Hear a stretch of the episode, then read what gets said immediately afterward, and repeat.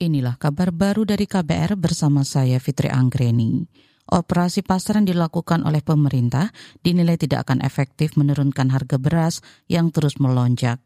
Menurut peneliti Center for Food, Energy and Sustainable Development di Indef, Rusli Abdullah, setiap akhir tahun harga beras selalu mengalami kenaikan, apalagi di tahun ini dipengaruhi oleh fenomena kemarau panjang El Nino kenapa? Kadang operasi pasar tidak bisa menurunkan harga. Seminimal menjaga harga tidak semakin uh, naik. Sama mungkin ke tempat sasarannya. Apakah siapa penerima itu? Apakah dia itu uh, nanti penerima adalah pedagang besar atau konsumen langsung? Kalau konsumen langsung mungkin ini bisa aja ini langsung apa namanya tempat sasaran Peneliti Center for Food, Energy and Sustainable Development, Rusli Abdullah, mengatakan operasi pasar harus bisa menyasar langsung ke konsumen, sehingga kebijakan ini minimal bisa menjaga daya beli masyarakat. Menurutnya, jika sasaran operasi pasar adalah pedagang besar, maka hal ini bisa dimainkan oleh pedagang untuk memperoleh margin harga yang tinggi dan menyebabkan harga beras tetap naik. Kita ke informasi berikutnya, saudara. Komisi Nasional Anti Kekerasan Terhadap Perempuan Komnas Perempuan meminta pembangunan yang berdampak buruk pada perempuan dan anak ditinjau kembali.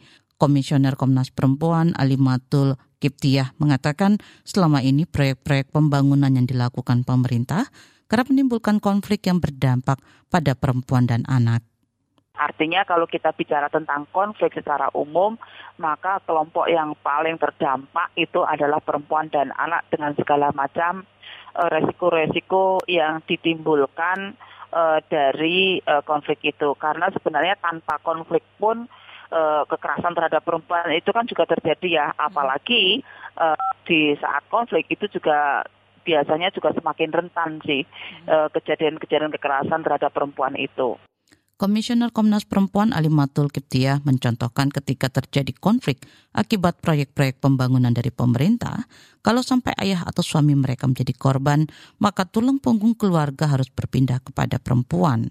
Alimatul meminta pemerintah mendetailkan lagi rencana-rencana pembangunan yang harus dilakukan serta dampak-dampak yang ditimbulkan. Kita ke berita luar negeri.